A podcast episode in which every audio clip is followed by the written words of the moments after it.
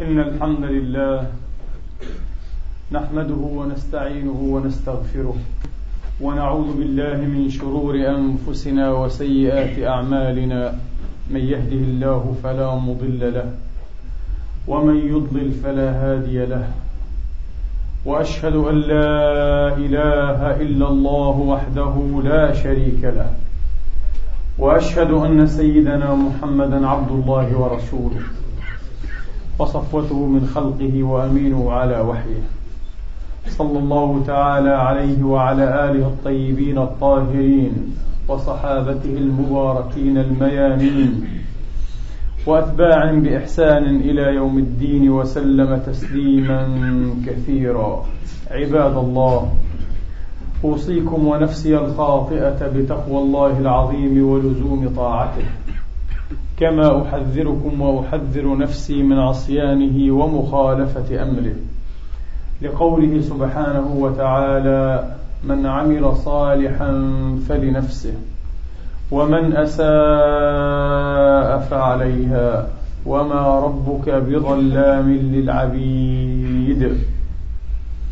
ثم أما بعد أيها الإخوة المسلمون الأفاضل أيتها الأخوات المسلمات الفاضلات يقول المولى الجليل سبحانه وتعالى في محكم التنزيل بعد أن أعوذ بالله من الشيطان الرجيم. بسم الله الرحمن الرحيم.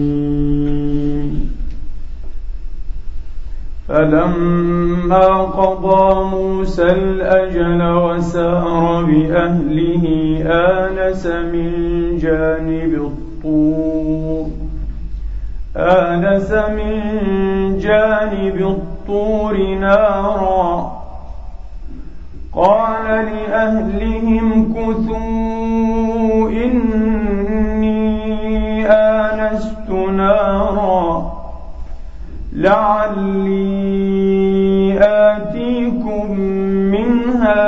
بخبر أو جذوة من النار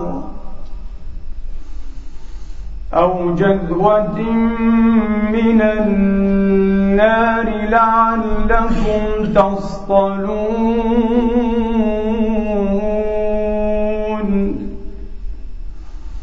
فلما أتاها الوادي الأيمن في البقعة في البقعة المباركة من الشجرة أي يا موسى أي يا موسى إني أنا الله رب العالمين. نودي من شاطئ الوادي الأيمن في البقعة المباركة من الشجرة أي يا موسى إني أنا الله رب العالمين. وأن ألق عصاك فلما رآها تهتز كأنها جان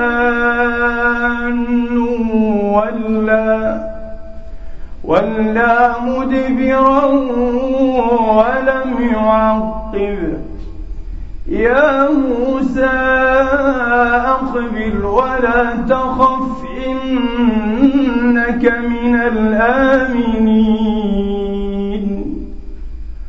أسلك يدك في جيبك تخرج بيضاء من غير سوء. واضمم إليك جناحك من الرهب فذلك برهانان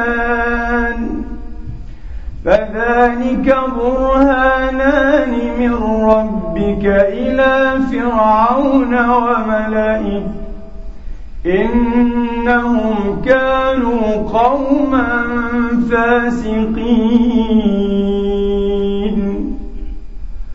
قال رب إني قتلت منهم نفسا فأخاف أن يقتلون. وأخي هارون هو أفصح مني لسانا فأرسله معي يرد أن يصدقني إني أخاف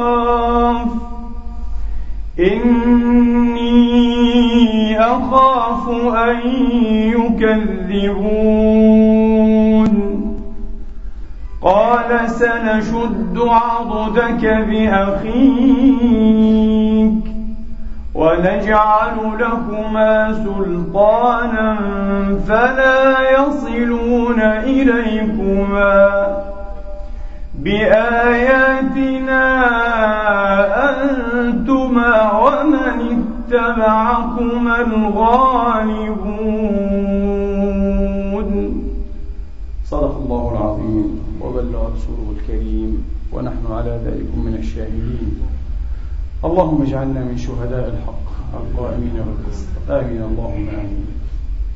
أيها الإخوة الأفاضل والأخوات الفاضلات بعد أن قضى موسى عليه الصلاة وأفضل السلام الأجل المضروب بينه وبين الشيخ المديني انطلق موسى. إلا أن القرآن العظيم لم يتعرض لمسألتين بداءة المسألة الأولى هل كان انطلاق موسى عليه السلام بعد انقضاء الأجل مباشرة أم تلبث حينا من الدهر؟ القرآن لم يوضح ذلك وليس في سياق الآيات ولا في تركيبها ما يشير إلى ذلك لأن قوله تبارك وتعالى فلما قضى موسى الأجل وسار والواو لا تفيد لا ترتيبا ولا تعقيبا. لا ندري هل مكث مدة بعد ذلك كما قال مجاهد بن جبر شيخ المفسرين من طبقة التابعين في وقته قال نعم أقام موسى بعدها عشرا أخرى. عشرا أخرى فيكون مدة أو مجموع مدة إقامته بمدين بعيدا عن مصر ومنها عشرين سنة في الجملة. هذا ما قاله مجاهد. وبعضهم لم يتعرض لذلك. إلا أن أكثر المفسرين نحوا منحى أنه ذهب مباشرة. فعجلوا به عليه الصلاة والسلام هذا ما لا يساعد عليه تدبر بعض الظواهر. لأن موسى عليه الصلاة والسلام كان متوجسا من فعلته التي فعل. فلما يكون معجلا لكي يعود إلى مصر. حتى إن الله سبحانه وتعالى بعد أن شرفه واصطفاه وانتخبه لنبوته ورسالته وأمره أن يأتي فرعون مصر تعلل واعتذر بماذا؟ بالفعل التي فعل. وإني قتلت منهم نفسا فأخاف أن يقتلون فأخاف أن يقتلون. ولذلك قال بعض المفسرين موسى لم يتوجه إلى مصر وإنما سار بأهله إلى بيت المقدس. فيخلو المقام من قيل وقال. القرآن لم يتعرض لا لهذه المسألة ولا لهذه المسألة. وأما ما ورد في سفر الخروج من التوراة من الأسفار الخمسة فهي أن موسى عليه الصلاة والسلام كان يرعى غنم كاهن مديان يثرون وهو حمي وهو حموه أو حموه كان يرعاها وأبعد بها حتى وصل إلى جبل حوريب. ونحن نستبعد ذلك لأن المسافة بعيدة جدا مئات الكيلات بين مدين أو مديان وبين جبل حوريب. جبل حوريب هو جبل سيناء أو جبل الطور. تسميه التوراة في سبعة عشر موضعا بجبل حوريب وتسميه برية سيناء وتسميه جبل سيناء. المهم ذهب إلى جبل حوريب. مستحيل أن يقال إنه قطع البحر الأحمر بماشيته إلا أن يكون التف عن طريق البر وهي مسافة بعيدة لمن درس هذا الموقع لمن درس هذا الموقع. لكن هذا ما تزعمه التوراة أنه أبعد بها حتى وصل إلى جبل حريم وهناك كان إيه؟ كان ما كان من شأن نبوءته ورسالته. ثم عاد بعد ذلك وسار بأهله إلى مصر. هذا ما تقوله التوراة. القرآن يؤكد أنه سار بداءة مع أهله. سار بداءة مع أهله. وأهله كانوا معه حين نبئ عليه الصلاة والسلام والمعول كما تعلمون على ما في القرآن العظيم. فلما قضى موسى الأجل وسار بأهله من هم أهله هنا؟ لا يمكن أن تكون زوجته فقط. لماذا؟ لأنه قال لهم فيما بعد امكثوا ولا تخاطب المرأة ولا حتى الرجل الواحد بهذا الخطاب امكثوا. وإنما لقال امكثي. وإن له لم تكن زوجته فقط. قيل كان معهما خادم لهما. وقيل احتمل أيضا معه ابنين ذكرين له. جرشوم الذي ذكرناه في الحلقة السابقة وولدا آخر يسمى أليعازر وهذا لا يمكن أن يلتئم إلا على القول بأنه مكث مدة أيها الإخوة. تولد له هذان الولدان بعد انقضاء الأجل أو يقال إنه دخل بأهله في أول الأجل وليس في آخره. وهذا يتقاضانا أن ندخل في مباحث فقهية في مباحث فقهية تتعلق بجعل المنافع عوضا أيها الإخوة. مقابل الأبضاع لكن قبل إيه؟ أن تتحصل المنفعة كعوض. هل يجوز البناء أو لا يجوز؟ مسائل فقهية دقيقة ليس هذا موضع تفصيلها على كل حال وسار بأهله ما يعطيه القرآن العظيم أنه ضل الطريق. إذا تدبرنا الآيات نستطيع أن نفهم أنه ضل هو وأهله الطريق. لماذا؟ لأنه قال لعلي آتيكم منها بخبر. خبر عن الطريق لأنهم كانوا قد ضلوا طريقهم. نعم. وكانت الليلة مظلمة وشديدة البرد والزمهرير. هذا أيضا مستفاد من قوله آه، أو جذوة من النار لعلكم تصطلون أي تستدفئون بها لعلكم تستدفئون بها. فقد إذا ضل طريقه في ليلة ظلماء أو مظلمة شديدة البرد. ويا لها من ليلة ويا أشرفها وما أعظمها من ليلة. نعم. فلما قضى موسى الأجل وسار بأهله أي ضل الطريق نعم آنس أي أحس آنس من جانب الطور هو جبل الطور أو جبل حوريب كما تسميه التوراة آنس من جانب الطور نارا. فماذا قال لأهله؟ قال أمكثوا أي لا تريموا لا تتحركوا لا تغادروا مكانكم. نعم. لماذا؟ يريد أن يقتبس من هذه النار ولعل هذه النار أوقدها موقد كما هو الظاهر. فلعل هذا الموقد يعطيه خبرا عن الطريق يعطيه خبرا أو يفيده خبرا عن الطريق. وجاء موسى وأقبل إلى هذه النار العجيبة الغريبة. حقيقتها على غير ما حسب وعلى غير ما وضعها عليه. لما اقترب وإذا هي نار تضطرم تأجج تأججا شديدا واضطراما عظيما في شجرة عوسج أي شوك شجرة شوك تسميها التوراة عليقة شجرة إيه عليق؟ في شجرة إيه؟ عليق أو شوك أو عوسج شديدة الخضرة. كلما ازدادت النار ضراما وتأججا ازدادت الشجرة اخضرارا وهذا شيء عجيب. النار تزداد والشجرة تزداد خضرة ولا تحترق. فلم يدري على ما يضع أمر هذه الشجرة. شجرة غريبة ونار عجيبة. إلا أنه لم يقدر شيئا وراء ذلك. فقال بيده هكذا يريد أن يقتبس منها شيئا. يريد أن يقتبس منها فرعا. فأدبرت النار كعت عنه فهابها موسى. ثم عادت كما هي فأطمعته فطمع فمد يده فأدبرت. فعلم أنها مصنوعة لا يدري من صنعها وعلم أنها مأمورة لا يدري من أمرها. والآن صار في حيرة وفي بلبال من أمره. فجلس ينظر ويرقب ويفتكر متحيرا باهتا في أمر هذه الشجرة. فحانت منه التفاتة أو نظرة إلى فرع من فروعها وإذا هو أشدها اخضرارا وإذا بعمود من نور أخضر عجيب يضرب من لدن هذا الفرع إلى السماء العالية. فتبعه موسى ببصره. وإذا بهذا العمود النوراني يزداد اصفرارا واستنارة وبيضاضا حتى صار أبيض شديد البياض وله مثل شعاع الشمس تكل الأبصار دونه وتعود حسرا فعلم أن الأمر جد وأن الأمر خطير وعظيم فظل جالسا لاطئا بالأرض وإذا بصوت يناديه من الشجرة. وقد أرعدت فرائصه. ولم تحمله قدماه لو أراد قياما مما رأى من هول ما رأى وعظمة ما أحس وأدرك وأبصر. وإذا بصوت يناديه يا موسى أي يا موسى باسمه. فلباه مرارا وما كان سرعة تلبيته للصوت إلا استئناسا من وحشته التي هو فيها. قال لبيك لبيك لبيك. من أنت؟ أسمع صوتك ولا أراك أين أنت؟ فهو لا يدري حقيقة الأمر إلى الآن.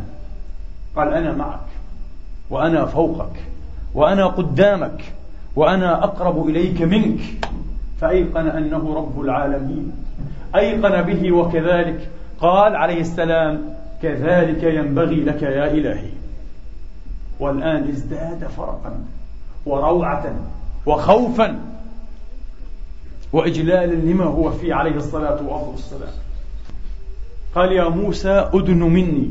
اقترب من الشجرة. أدنو اقترب. فقام يتوكأ على عصاه وقدماه لا تكادان تحتملان قام وهو في شدة الفرق والخوف تصطك أسنانه وترتعد فرائصه.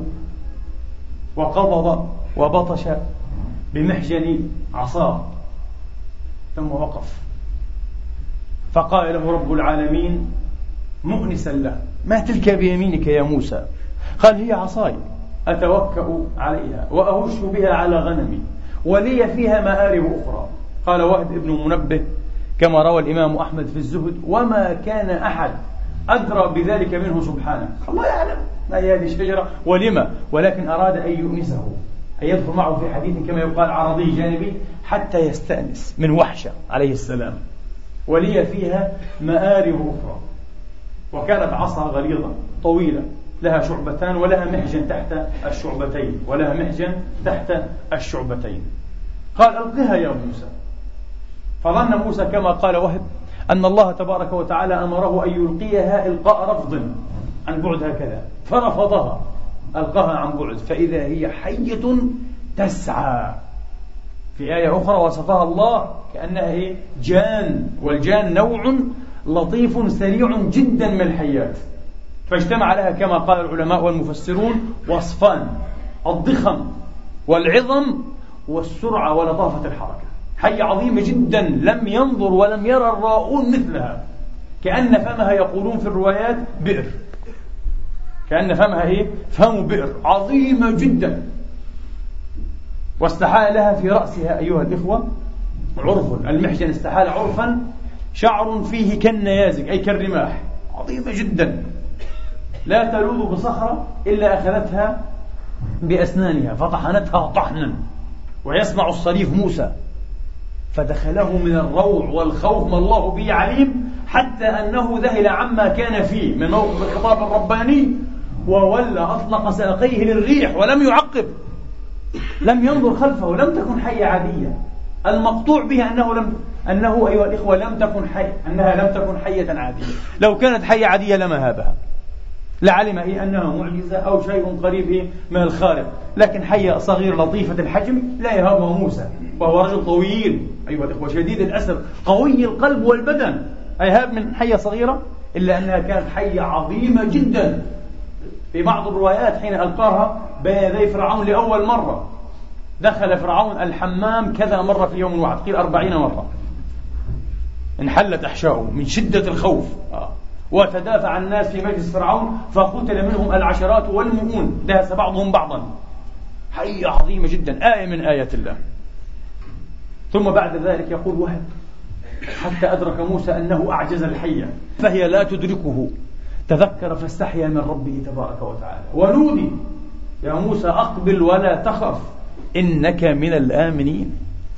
أنت هنا في حضرة رب العالمين في موقف خطاب لم يقفه أحد من قبل ولعل أحدا لا يقفه من بعد إلا من استثنى الله تبارك وتعالى أو من شاء الله. لأن محمدا كلم ربه ليلة المعراج بلا شك. على كل حال فعاد موسى عليه السلام. والحية تجول وتضطرب من مكان إلى مكان بعظمها ولطافة حركتها وسرعتها كأنها جان. فقال رب العالمين خذها. كان يلبس عليه الصلاة والسلام مدرعة. كان يلبس مدرعة. قد خلها بخلال من خشب. شبك بين طرفيها بخلال من خشب. فجعل طرف مدرعته على يده وأراد أن يأخذ الحية. فنودي يا موسى أرأيت لو أن الله أذن فيما تحاذر؟ أكان يغنيك شيئا؟ لو الله أذن أن تبتلعك هذه الحية أو تنهشك أيغنيك هذا شيئا؟ قال كلا فاستحيا ثم أخرج يده ووضعها في فمها حتى أحس بأسنانها وسمع الصريف فإذا بها تنقلب وإذا بالمحجن في يده والعصا بشعبتيها عادت سيرتها الأولى في يده. سنعيدها سيرتها الأولى. قدرة قادر لا إله إلا هو. شيء عجيب. نعم. فعادت فاطمأن موسى عليه الصلاة وأفضل السلام. وهنا أخبره الله تبارك وتعالى أنه نبي ورسول أرسله سبحانه وتعالى لاستخراج بني إسرائيل ولمقارعة طاغية العصر. قال ابن عباس رضي الله تعالى عنهما وأرضاهما إن الله تبارك وتعالى أوحى إلى موسى وهارون أي فيما بعد. إني أرسلكما إلى رجل جبار عنيد. فلا يهولنكما ما تريانه من سلطانه فإن ناصيته بيدي. لا ينطق ولا يطرف لا تتحرك له عين. لا يلتقي له جفنان كما يقال. لا يطرف إلا بإذني. ولا يغرنكما ما متعته به من زينة الحياة الدنيا. ولو شئت لألبستكما من زينة الدنيا ما يعلم معه فرعون أنه عاجز عن مثله أو قريبه. ولكني أذود أوليائي وأحميهم عن الدنيا وغرورها كما يحمي الراعي إبله ويذودها عن مراتع الهلكة. والمرابع الوبيئة. لأبلغ فيهم مرادي ولأنير لهم مراتبي بسيماهم الذي يعرفون به أي أنهم أولياء الله وخاصته وأحباؤه وأهلوه من خلقه. وإني لأثأر لأوليائي كما يثأر الليث الحرد إذا ديس حريره وفي حديث وهب عند الإمام أحمد أيضا أنه سبحانه وتعالى قال له أو لهما. قال له إني أرسلك إلى جبار عنيد. أخذته الدنيا بغرورها وجهل مكانتي حتى تطاول وادعى الربوبية وعبد من دوني. وعبد من دوني. وزعم أنه لا يعرفني. بطر نعمتي وجحد ربوبيتي واستضعف عبادي. فادخل عليه وقل له وعظه. وقل له وعظه. وأخبره بوجوب عبادتي والإخلاص لاسمي. وقل له فيما بين ذلك قولا لينا لعله يتذكر أو يخشى. وأخبره أني إلى المغفرة والعفو أسرع مني إلى الانتقام والعقوبة. وذكره بأيامي. وحذره بطشي ونخمتي. وهكذا. إذا نبئ موسى عليه الصلاة وأفضل السلام في هذه البقعة المباركة في هذا المكان القدس. ولذلك قال الله له تبارك وتعالى اخلع عليك. ما ينبغي أن تدوس قدماك هذا المكان الطهور القدس وأنت منتعل قال عليه الصلاة وأفضل السلام رسولنا. لأن نعليه كانتا من جلد حمار ميت. فكان ينبغي أن يخلع هاتين النعلين فخلعهما ودخل إلى هذه الحضرة الإلهية العلوية العجيبة. إذا هنا في هذا المكان وفي هذا الحين وفي هذه الظروف العجيبة الغريبة نبئ موسى. وجه الغرابة فيها أيها الإخوة أنه مرة أخرى كما قلنا هي قصة القدر تماما القدر الغلاب الذي يسوق الأمور والمواقف والشخوص والأحداث والكوائن إلى غاياتها. ظاهرا وباطنا. بتلطف وبقصر. لماذا؟ وجه الغرابة أن موسى عليه السلام نبئ في هذه البقعة في هذا المكان بالضبط كما أراد الله بسبب ماذا؟ بسبب ضلاله الطريق. ضل ليهتدي وأي هدى كان له مقدر عليه السلام. ضل الطريق ليهتدي لكن لا إلى طريق الدنيا. لا إلى طريق البلاد والبقاع إنما إلى طريق النبيين والمرسلين إلى طريق الأولياء المصطفين المخلصين. هكذا. فهذا من تعاجيب القدر أيضا. هذا من تعاجيب القدر أيها الإخوة. إذا تحدثنا عن القدر وكما نقول دائما فهذه هي قصة القدر تماما. إذا تحدثنا عن القدر لابد أن نعرف أيها الإخوة أن هذا القدر لا يكون إلا بيد مقدره وحده سبحانه وتعالى. ولذلك الله لا يغالب على أمره سبحانه وتعالى. أرأيتم ولله المثل الأعلى؟ لو أن أحدكم كان يتابع أحداث فيلم مثلا. هذا الفيلم أخرجه مخرج وكتب نصه كاتب. ما يقع للشخصية الرئيسة في هذا الفيلم؟ لمن يحضره أو لمن يتابعه لأول مرة. قد يهوله وقد يهجس في نفسك. أيها المشاهد أو الناظر هواجس كثيرة. من الألم والإشفاق والترقب والخوف والمحاذرة إلا أن البداية والنهاية والأوساط فيما بين ذلك كلها معروفة لمن؟ للمخرج الذي أخرج هذا الفيلم وسيسوق بطله وشخصيته الرئيسة في هذا الفيلم المصير الذي أعده له فكيف برب العالمين لا إله إلا هو ولذلك لا يمكن لو أراد الله تبارك وتعالى حماية عبد لو اجتمعت عليه السماوات والأراضون هل تنال منه؟ كلا ولو أراد إهلاك عبد لو اجتمعت السماوات والأراضون لحمايته والذب عنه والذود عنه هل تستطيع هل تنجح؟ لا والله. لا والله. ومن هنا أيها الإخوة هذه العقيدة كما لاحظ بعض المستشرقين هذه العقيدة على ما فهمها أسلافنا الصالحون هي أكبر مبعث وأكبر باعث وأكبر محفز. على ماذا؟ على الاستبسال والاستشهاد. وقول الحق والوقوف في مواقف الحق والصدع بالحق. لا يخشى بالله لومة لائم لماذا؟ لأن يقينه بالله. وما أسخف أيها الإخوة حسابات الناس. للأسف حسابات الناس دائما هي حسابات المصالح حسابات بشرية ضيقة. يحسب حسابا لهذا وحسابا لهذا وحسابا لهذا وح... وفي النهاية ماذا؟ لا يصدق إلا ماذا؟ إلا تقدير الله تبارك وتعالى. مسكين أنت. لكن خسرت يقينك بالله. خسرت ثقتك بالله تبارك وتعالى. وسقطت من عين الله. وهنت عليه. لأنك لم تجعل ثقتك بالله سبحانه وتعالى. جعلت ثقتك بحساباتك المادية. كما تحسب وكما ترسم أنت. فيكون أحيانا تدميرك في تدبيرك. تكون هلكتك من حيث طلبت النجاة. أو العكس. وهكذا يسخر القدر بين الناس. وعلى كل حتى هذا المصطلح لا أرى بأسا باستخدامه سخرية القدر. بعض الناس يستعظم ذلك. كلا بالعكس. الله عز وجل يستهزئ. صحيح. من الكفار والمنافقين ها وضعاف الإيمان. ويسخر أيضا بأمثال هؤلاء. لكن كيف يسخر القدر منهم؟ حين يبدههم ويجبههم بما لم يكونوا يتوقعونه بما لم يكن في في حسبانهم أصلا. بضد ما رسموا وبضد ما خططوا له. وتوقعوه هكذا يسخر القدر منهم. وتقدرون فتضحك الأقدار. أنت تريد وأنا أريد. ولا يكون إلا ما أريد. أيها الإخوة هل يستطيع بشر؟ أي بشر كان؟ هل يستطيع بشر من البشر؟ عالم العلماء أن يقول مثلا في يوم من الأيام وهذا السؤال ليس مطروحا لهذا العصر هذا السؤال مطروح إلى نهاية هذه الدنيا ودثورها.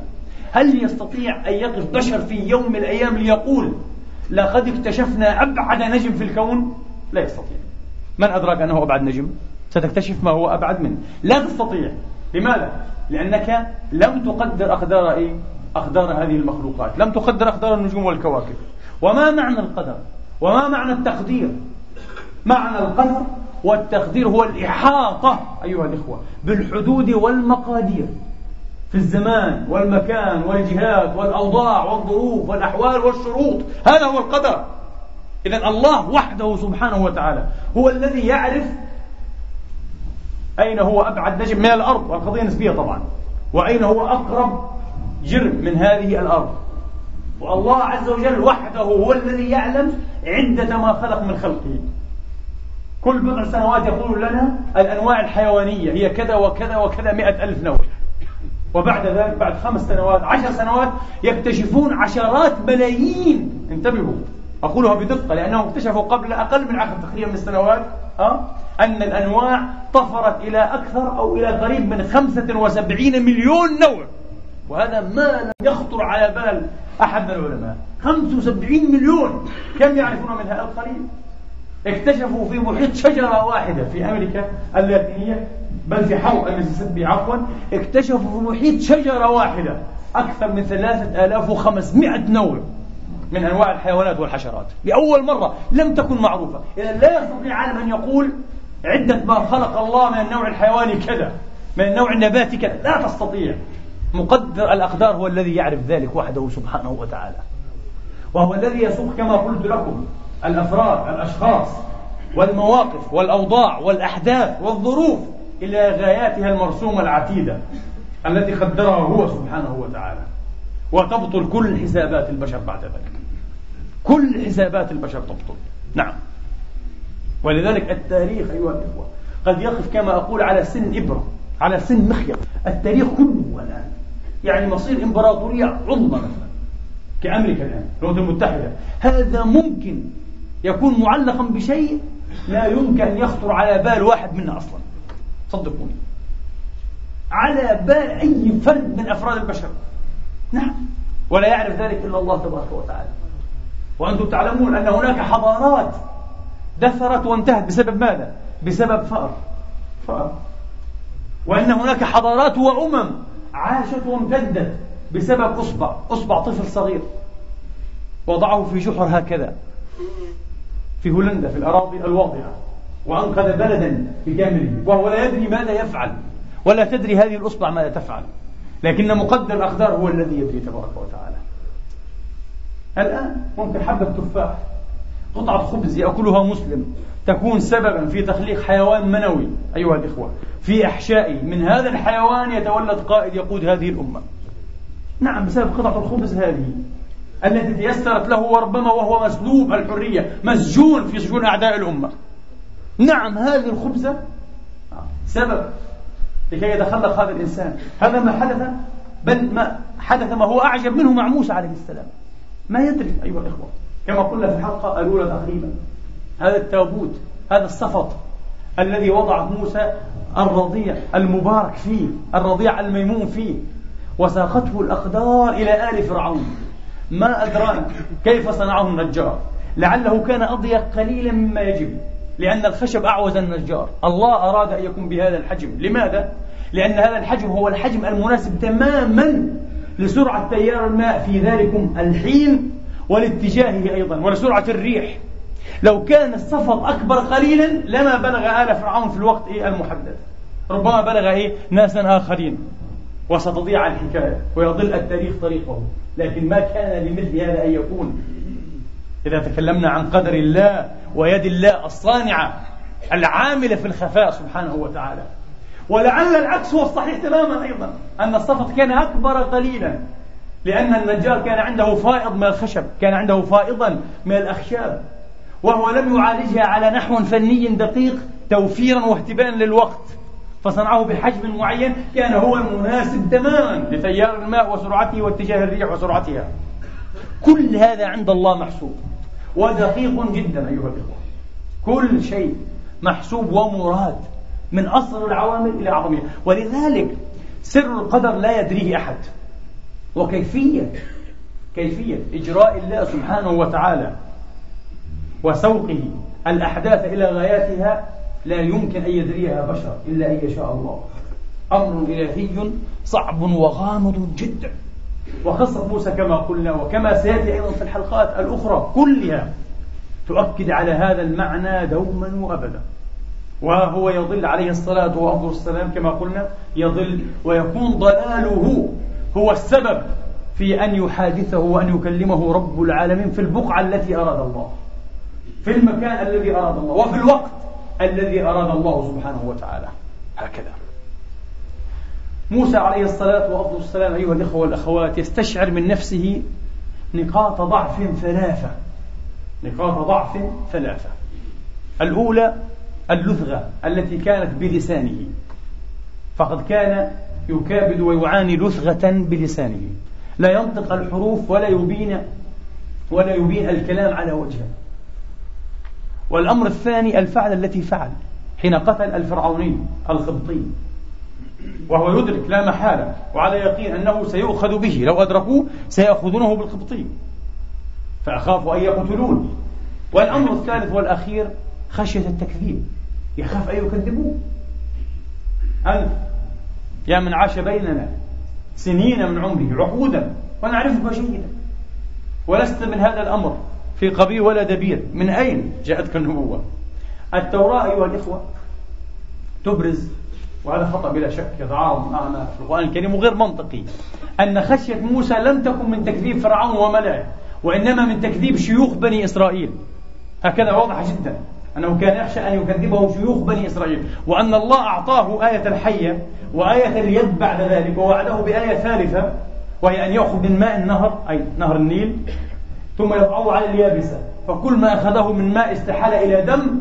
هذه الآيات أوتيها موسى لماذا؟ لكي يحج بها شيوخ بني إسرائيل وليس فرعون. وهذا باطل. ما شأن شيوخ بني إسرائيل في هذه القضية؟ التوراة تذكر أيضا أن الله أمره أن يأخذ معه أشياخ بني إسرائيل وأن يخبرهم أن الله التقاه وأنه نبأه وأنه طلب إليه أن يخرج بني إسرائيل من أرض المذلة من مصر. تسميها أرض المذلة والتسخير من أرض المذلة والتسخير. فقال أخاف أن يكذبوني فأعطاه الله هاتين الآيتين. فأعطاه الله هاتين الآيتين ثم وعده بالثالثة. كلام فارغ لا معنى له. لا هو كان يخشى أن يكذبه فرعون. المعني بتكذيبه وقد فعل. واتهمه بالجنون واتهمه بالسحر واتهمه ثالثة بأنه له مآرب سياسية وسلطوية وأنه يريد أن يغلب على البلاد هو وأخوه. يريد أن يغلب على البلاد وأن يكون له الأمر. طبعا هذا سنوضحه تماما في الحلقة المقبلة حين نتحدث وسنقفها أيها الإخوة على هذا الحديث على مسألة الطغيان والطاغية والحكم الشمولي وكيف يتصرف الطغاة في كل عصر وفرعون نموذجا. فرعون على ما يقص القرآن علينا من نبأه وخبره نموذجا للطاغية والطغيان. فهو حديث مهم جدا لاعتلاقه بحياتنا كمسلمين. على كل حال إذا هي ثلاث أو ثلاثة نقاط ضعف توجس منها وأحسها واستشعرها موسى. وقد كان صادقا تماما في تقويمه لحالته وتقديره لوضعه. لماذا؟ لأن فرعون عاب عليه وعيره بهذه اللوثة التي في لسانه. هكذا كان. قال قال فرعون رحمة الله عليه أم أنا خير من هذا الذي هو مهين ولا يكاد يبين؟ قال حتى كلام لا يحسن هذا يتكلم. ملثوغ لسانه به لثغة. حصل إذن. وموسى تخوف من هذا. أي يقال إنه لا يحسن أن يتكلم. ليس فصيحا لا يبين عليه الصلاة وأفضل السلام. وأما أيها الإخوة أنه خاف من أن يقاد بالرجل الذي قتله نعم وقد حذره فرعون قال وفعلت فعلتك التي فعلت وأنت من الكافرين. أي كفرت نعمتنا وجحدت حقنا وأنكرت ما كان لنا من يد عليك يا موسى. فأجابه وقال فعلتها إذا وأنا من الضالين. ففررت منكم لما خفتكم الآية. من النمل إذا حدث.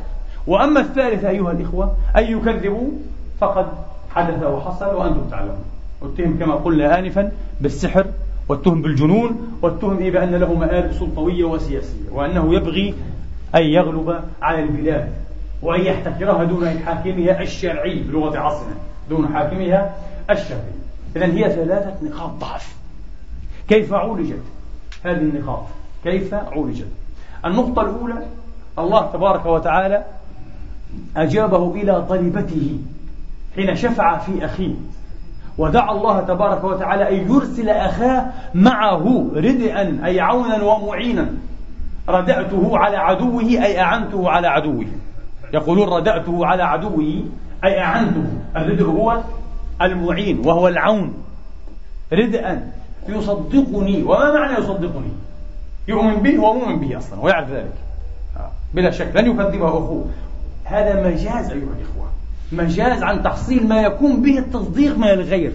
فكأنه قال للفصاحة المعلومة لهارون عليه الصلاة وأفضل السلام أريد أن ترسله معي فيرخص مقالتي. فيلخص مقالتي. ويحاج بها وعنها. فيحصل الاقتناع والتصديق للآخرين. ممن سبقت لهم الله الهداية والعناية والسعادة. فهو مجاز عن إيه؟ عن هذا المعنى. آه. رد أن يصدقني. إني أخاف أن يكذبون. فنبأه الله تبارك وتعالى وأرسل معه أخاه هارون نبيا. ووهبنا له من رحمتنا أخاه هارون نبيا. ليس مجرد مبلغ ومحاج وملخص وإنما أيضا نبي. نبي إلى نبي. ولذلك أم المؤمنين عائشة رضوان الله عليها كانت مرة في طريقها في هودجها. فسمعت قائلا يقول لجماعته أتدرون أي أخ أمن على أخي؟ فأرم القوم ولم يجيبوا. فقالت عائشة لمن حول هودجها قولوا هو موسى إذ شفى عند الله في أخيه فأرسله الله نبيا. فهو أمن أخ على أخيه وهذا كما قلنا في الحلقة الأولى من وجاهته على الله. هذه وجاهة ما بعدها وجاهة. أن تطلب من الله أن ينبئ أخاك. ليس أن يعطيه قصرا أو ينفعه مالا أو يعطيه مجدا مؤثرا دنيويا. نبوة أيها الأخوة. فنباه الله تبارك وتعالى. ونبأ أخاه كرامة له. وصدق الله وكان عند الله وجيها. موسى عليه الصلاة والسلام. إذا هذه المسألة حلت. وأصبح موسى أيها الإخوة أصبح موسى يتكلم بالمعنى. ويصوغ هذا المعنى هارون. بتعبير التوراة تكون أنت له إلها أستغفر الله. كان عندهم تعابير عجيبة جدا. يكون هو لك لسانا وتكون أنت له إلها يريدون ماذا يعني؟ ليس إلها يعبد وإنما أنت الذي توحي إليه بالمعنى. كما أوحيت أنا إليك أنت توحي إليه بالمعنى. تلهمه تقول له تشرح له. هذا معنى الإلهية هنا. ونعوذ بالله من أمثال هذه التعابير. تعابير عجيبة غريبة. نعم. آه. وتكون له إلها. ويكون هو لك لسانا. وألقي الكلام في أفواهكما. هكذا تقول التوراة. لتخبر عني وتبلغ عني. وبلغة أبي العلاء المعري الذي كان يقول أنا مستطيع بغيري لأنه كان أعمى. لكن غيره هو الذي؟ يبين له وهو الذي يقوده ويخرج له الطريق. فكان يقول أنا مستطيع بغيري. فموسى كان هنا في هذه القضية قضية البيان والتبليغ مستطيعا بغيره ومن أحسن ما قال أبو العلاء في لزومياته مما يعبر عن هذا المعنى كان يقول تصدق على الأعمى بأخذ يمينه لتهديه ومن بإسماعك الصمة قال هذا نوع من الصدقة الناس يغفلون عنه. صدقة ممتازة قال المعري وهذا من أحسن الصدقات. يقول تصدق على الأعمى بأخذ يمينه لتهديه أي السبيل أو الطريق. ومن بإسماعك الصمة كيف تسمع الصم؟ بإفهامهم. لو أفهمت أنت إيه الأصم بأي طريقة من الطرق فكأنك جعلته يسمع. ولو تكلمت عن الألفة ومن لا يبين كلاما أيها الإخوة يحوصل ويلخص ويتحصل به المعنى جوهر المعنى وذوبه. يتحصل به ذوب المعنى الذي يريد والذي إيه يجول في خاطره فكأنك إيه؟ تكلمت إيه عنه؟ كأنك تكلمت بلسانه. هكذا. فهذه القضية أيضا حلت. هذه القضية أيضا حلت. ما في التوراة وأيضا هذا مناقض لأسس الاعتقاد الإسلامي أن موسى انعزل. ما معنى انعزل؟ يعني طلب من الله أن يعفيه من هذه المهمة. لا أريد لا نبوة ولا رسالة. والعياذ بالله. مستحيل. ولا يمكن أن يصدر هذا من نبي وهذا من كبائر الذنوب. كما قال في بدء الأمال رحمة الله عليه من متون العقيدة المشهورة عند المسلمين في بدء الأمال وإن الأنبياء لفي أمان من العصيان عمدا وانعزال وإن الأنبياء لفي أمان من العصيان عمدا وانعزال لا يمكن أن يطلب النبي العزل. أن الله يعزله ولا أريد. أتجشم هذا الأمر؟ وهو أيضا في أمان من أن يعزله الله تبارك وتعالى. يعني يؤتى النبوة ثم يعزل أيضا في أمان. مستحيل. ولا سمعت من نبي أوتي النبوة ثم سلبها ما في. لا يوجد نبي أوتي النبوة ثم إيه؟ عزل. ولا ينبغي لنبي أن يطلب العزل أصلا ولم يصدر هذا من النبي بحمد الله. غير صحيح هذا. وكل ما يؤيد ذلك فهو باطل من البواطيل فهذا من بواطيل أهل الكتاب في سفر الخروج. قال يا سيد أيها السيد. موسى يقول للرب أيها السيد لست صاحب كلام. لا اليوم ولا أمس ولا من أول أمس ولا حين كلمت عبدك. هكذا يقول موسى. تعابير عجيبة رقيقة جدا. يعني حتى في الساعة التي كلمتني فيها أنا لست بليغا. آه. لست صاحب إيه؟ كلام. فأرسل بيدي من ترسل. فأرسل بيدي من ترسل. يعني أرسل من تريد أن ترسل. أنا انعزلت تقول التوراة فحمي غضب الرب على موسى جدا. الله غضب عليه غضبا شديدا. وقال هو ذا هارون اللاوي. ألست تعرفه؟ يعني أخوك. ها؟ هو يتكلم.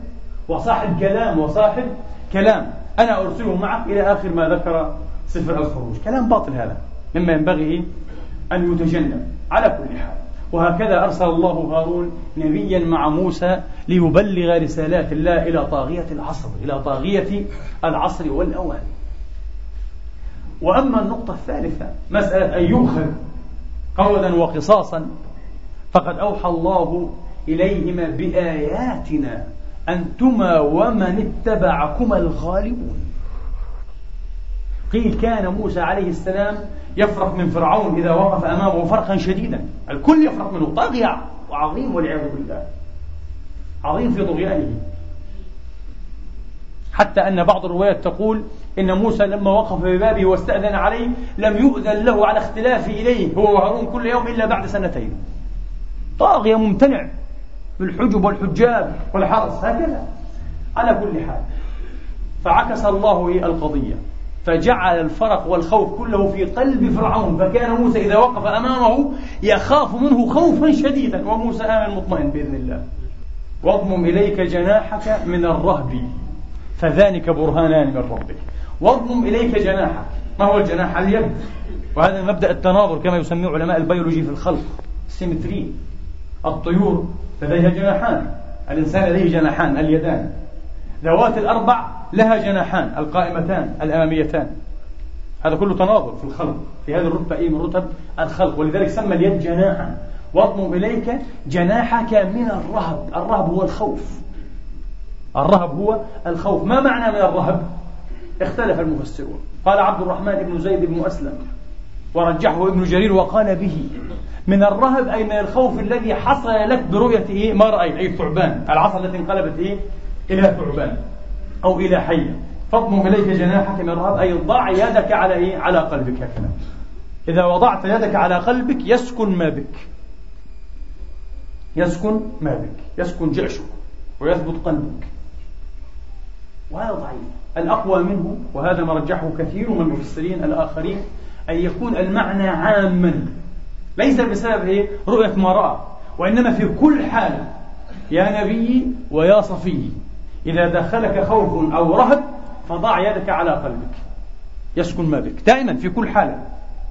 قال الحافظ ابن كثير رحمة الله عليه هذا وإن كان خاصا به بموسى عليه الصلاة وأفضل السلام لكن إن فعله مؤمن على سبيل اليقين بالله والثقة به ومتابعة الأنبياء والاقتداء بهم فحق إن شاء الله تبارك وتعالى أن يحصل له نوع من الأمن وسكون الروع إذا هذه وصية ممكن لكل واحد منا في لحظة الخوف يضع يده على قلبه ويقول بسم الله فيسكن ما به إن شاء الله.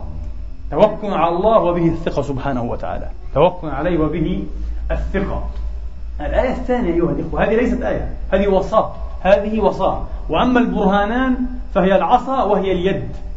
كان موسى عليه السلام كما ذكرت لكم قبيل قليل طويلا جعدا جعد الشعر وليس مسترسلا ليس رسلا جعد الشعر آدم شديد الأدمة يعني كان إيه؟ لونه كلون الأرض غامقا قمحيا كما يقال. ولم يكن إيه؟ أبيض عليه السلام. كان آدم شديد الأدمة وطويلا. إذا يده كانت أيضا إيه؟ شديدة الأدمة الله أوحى إليه أسلك يدك في جيبك. ما هو الجيب؟ ليس جيب المدرعة. وكان يلبس مدرعة منصوف. إنما الجيب أيها الإخوة من كل ثوب ما جيب من أعلاه هذه الفتحة. تكون في ثياب الرجال والنساء. الفتحة التي هنا يقال لها الجيب. بخمرهن على جيوبهن. هذا هو الجيب. هذا هو الجيب. ما جيب أي ما قطع ما قص. ما جيب من الثوب من أعلاه هذا هو الجيب. الله أوحى إليه ضع يدك في فتحة إيه؟ مدرعتك. يقال لها بالعامية وبالفصحى أيضا. بالعامية يسمونها إيه؟ العد في عبه. وبالفصحى العب في عبه. هذا هو العب هو الجيب. فوضع يده في عبه أو في جيبه مدرعته هكذا. ثم أمره بأن يخرجها فأخرجها. وإذا بها شديدة البياض كأنها قطعة قمر في تلألؤ شديد ولمعان في تلألؤ البرق. شيء غريب. قال تعالى من غير سوء من غير برص ومن غير بهق. من غير برص ومن غير بهق.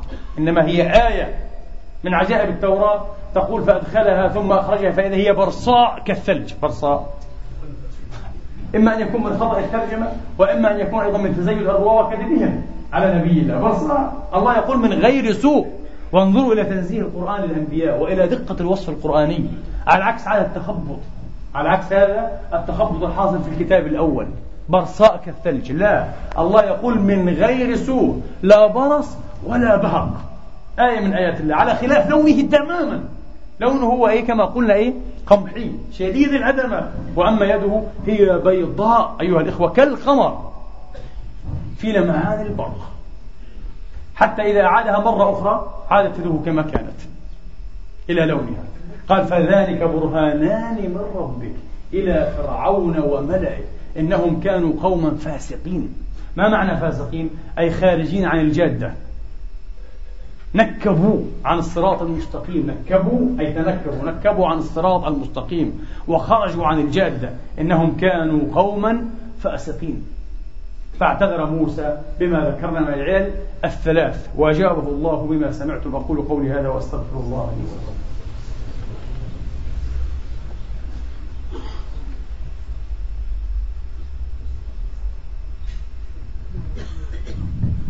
الحمد لله الحمد لله رب العالمين الحمد لله الذي يقبل التوبة عن عباده ويعفو عن السيئات ويعلم ما تفعلون.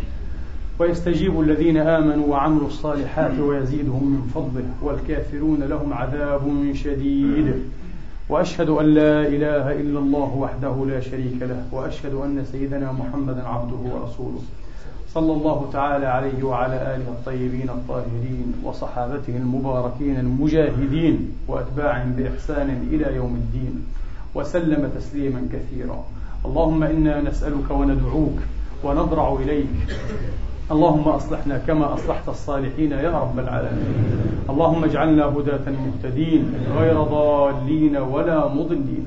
سلما لأوليائك وعدوا لأعدائك. نحب بحبك من أحبك ونعادي بعداوتك من خالفك. اللهم اهدنا واهد بنا وأصلحنا وأصلح بنا. اللهم اجعلنا مفاتيح للخير مغاليق للشر. اللهم حقق بالزيادة آمالنا واقرم بالعافية غدونا وآصالنا واختم بالباقيات الصالحات وبالسعادة آجالنا وأعمارنا. اللهم اجعل خير أعمالنا خواتيمها وخير أعمالنا أواخرها وخير أيامنا يوم نلقاك يا رب العالمين. اللهم اغفر لنا ولوالدينا وللمسلمين والمسلمات المؤمنين والمؤمنات الأحياء منهم والأموات بفضلك ورحمتك إنك سميع قريب مجيب الدعوات.